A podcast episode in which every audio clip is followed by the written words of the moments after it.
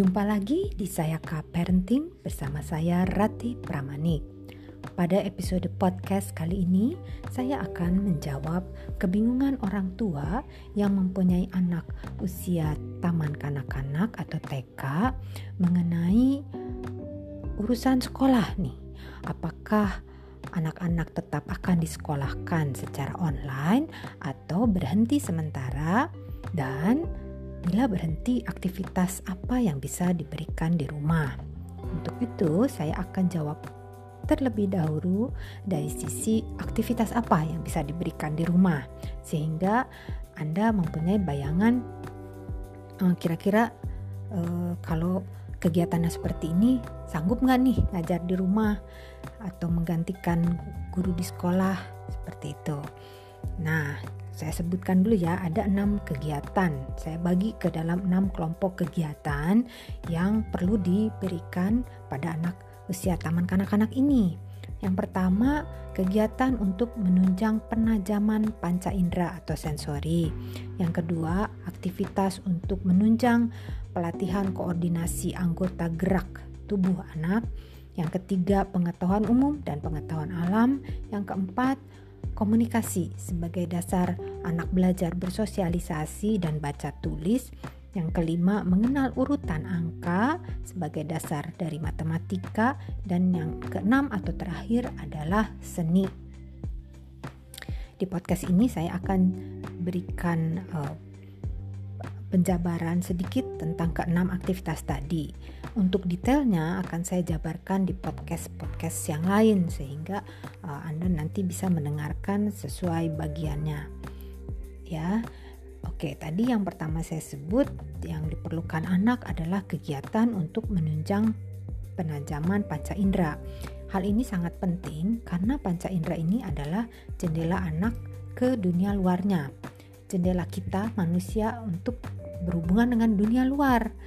Jadi kalau jendelanya tidak tajam, maka persepsi atau um, rangsang yang kita peroleh dari luar diri kita akan diterima secara kurang tepat atau bahkan mungkin keliru oleh otak kita. Jadi si jendelanya ini harus benar-benar bagus gitu ya. Selain itu, semua hal yang masuk apa uh, dicerna oleh otak kita juga pasti datangnya dari panca indera. Nah, kegiatan ini sangat bisa dilakukan di rumah tanpa perlu uh, ke sekolah. Seperti apa kegiatannya? Silahkan simak di podcast mengenai kegiatan penajaman panca indera. Kemudian yang kedua yang juga sangat penting bagi anak adalah koordinasi anggota gerak. Anggota gerak itu terdiri dari tangan, kaki dan juga jari jemari dan ini harus diberikan kepada anak terutama anak usia 0 sampai 4 tahun. Karena usia 0 sampai 4 tahun adalah masa seorang anak peka untuk melatih koordinasi gerakan ini. Kemudian yang ketiga, pengetahuan umum atau pengetahuan alam. Pengetahuan umum dan pengetahuan alam ini sebetulnya sederhana. Apa yang kita lakukan sehari-hari bersama anak itu juga merupakan bagian dari pengetahuan umum. Misalnya, kita jalan-jalan bersama anak pagi hari sambil berjemur. Ketika berjalan, kita melihat daun. Kita tunjuk kepada anak ini daun, warnanya hijau tua. Yang ini daun, warnanya coklat. Yang ini daun, warnanya kuning, yang ini hijau muda. Seperti itu. Ini bunga, warnanya merah, warnanya kuning. Itu adalah pengetahuan umum sekaligus pengetahuan alam. Dan itu sangat perlu diberikan kepada anak agar anak mengenal segala hal di sekelilingnya. Juga menjadi bagian dari penambahan kosakata anak. Kenapa kosakata anak ini penting? Ujung-ujungnya nanti ke kemampuan uh, berkomunikasi dan baca tulis. Sehingga kalau nanti dia belajar berbicara, dia bisa mengungkapkan apa yang ada di pikirannya secara benar. Misalnya, dia akan bilang, "Mama, bunga itu bagus." Bukan menyebutkan mama mama itu itu itu bagus. Itu itu apa gitu ya. Jadi setiap orang itu harus bisa menyebutkan secara gamblang apa yang dia maksud sehingga orang lain akan menangkap pesan yang dia sampaikan. Itulah kenapa uh, sangat baik sebetulnya bila uh, kita bisa sering berdekatan bersama anak karena kita akan membantu dia dalam hal komunikasi. Nah, nanti ketika baca tulis dia pun sudah siap membaca atau menulis karena dia sudah kenal uh, objek atau kata benda yang dia tuliskan atau yang dia baca. Nah, itu nanti detailnya saya taruh di podcast tentang baca tulis. Kemudian yang kelima, kegiatan yang penting adalah mengenal urutan angka. Angka ini harus dikenal oleh anak sesuai urutannya. Jadi setelah 1, 2, 3, 4, 5. Kenapa demikian? Karena nilai 1 atau kuantitas 1 kan berbeda dengan kuantitas 5.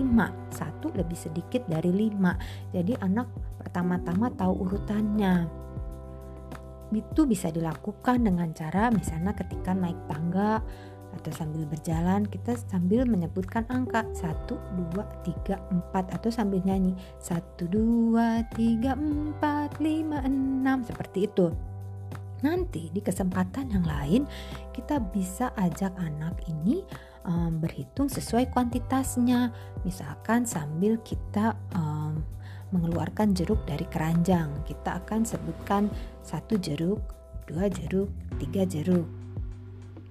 Di situ anak akan belajar angka dan kuantitasnya sekaligus.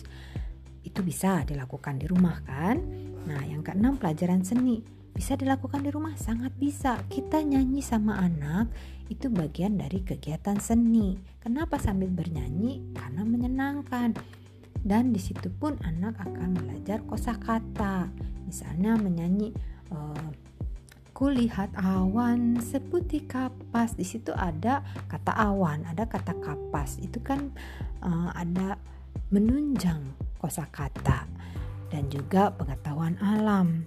Kemudian musik tidak usah membeli alat musik yang mahal, cukup pakai galon bekas atau pakai um, kaleng bekas di situ kita bisa pukul-pukul, anak akan belajar irama. Lalu sambil nyanyi. Seni adalah uh, suatu kegiatan untuk mengekspresikan diri. Jadi gunakanlah itu untuk uh, mengekspresikan diri.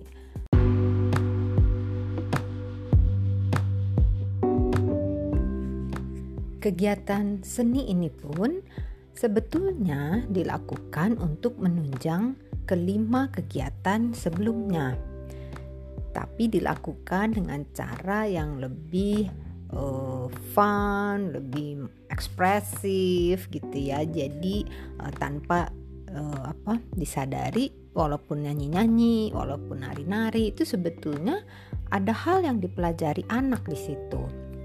Nah, setelah Anda mendengarkan ada enam kegiatan yang bisa dilakukan bersama anak, Apakah Anda kecil hati?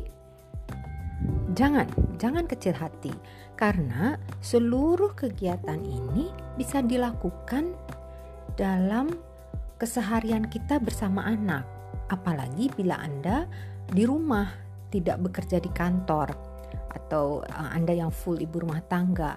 Itu sangat bisa, mulai dari bangun tidur sampai tidur lagi, itu dilakukan bersama anak di rumah. Untuk Anda yang bekerja, bisa Anda lakukan saat Anda berada di rumah. Apakah itu sepulang kantor atau pagi hari sebelum berangkat ya, tergantung jadwal kerja kita. Dan um, cara kita melakukannya pun uh, justru akan membantu memperbaiki uh, pola relasi kita dengan anak, bisa juga sekaligus memperbaiki apa eh, keseharian kita sama anak, meningkatkan kedekatan kita dengan anak, meningkatkan komunikasi kita dengan anak. Jadi jangan khawatir, jalani saja. Nanti akan saya berikan tips-tipsnya sehingga Anda akan dengan mudah dan nyaman melakukan ini semua di rumah bersama anak. Orang tua adalah guru utama dan pertama bagi anak. Jadi, Ayo kita lakukan bersama. Saya akan terus menemani Anda di podcast-podcast berikutnya. Simak terus dan sampai jumpa.